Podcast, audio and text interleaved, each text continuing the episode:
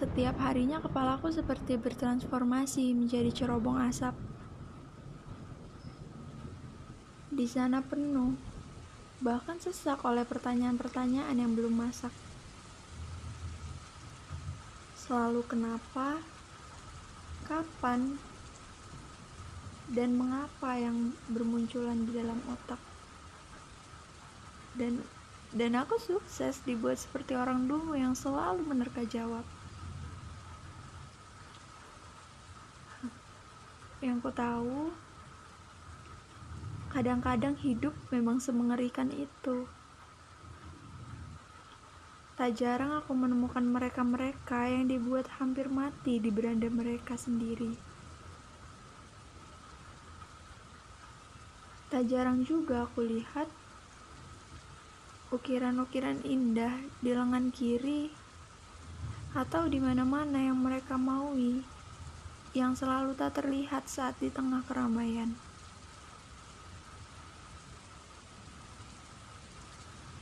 Sekarang aku lebih mengerti mengapa ada sekumpulan orang pembenci takdir. Ini memang mengerikan. Semua ini, semua ini memang mengerikan. Ada sebagian dari mereka yang berusaha mati-matian untuk bertahan, dan sebagian lainnya berusaha mati-matian untuk mati. Aku tak tahu pilihan mana yang lebih bijaksana, tapi yang pasti keduanya akan sangat berat untuk dilewati setiap hari.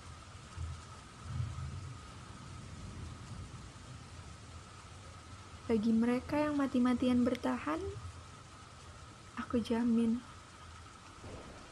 Aku jamin mereka telah dibuat babak belur oleh keputusan mereka sendiri. Begitupun untuk mereka yang mati-matian untuk mati. Mereka dibuat sekarat tapi tak dibiarkan mati.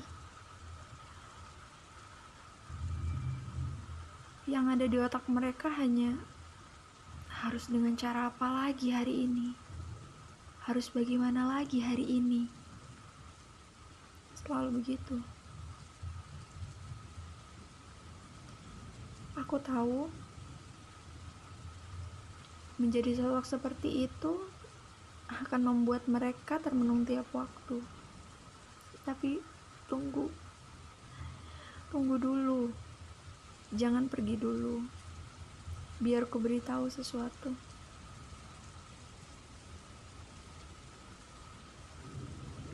Ini akan sangat terdengar konyol, tapi percayalah, di dunia ini selalu ada setidaknya satu orang yang selalu mengharapkan kamu tersenyum lagi. Jangan menyerah ya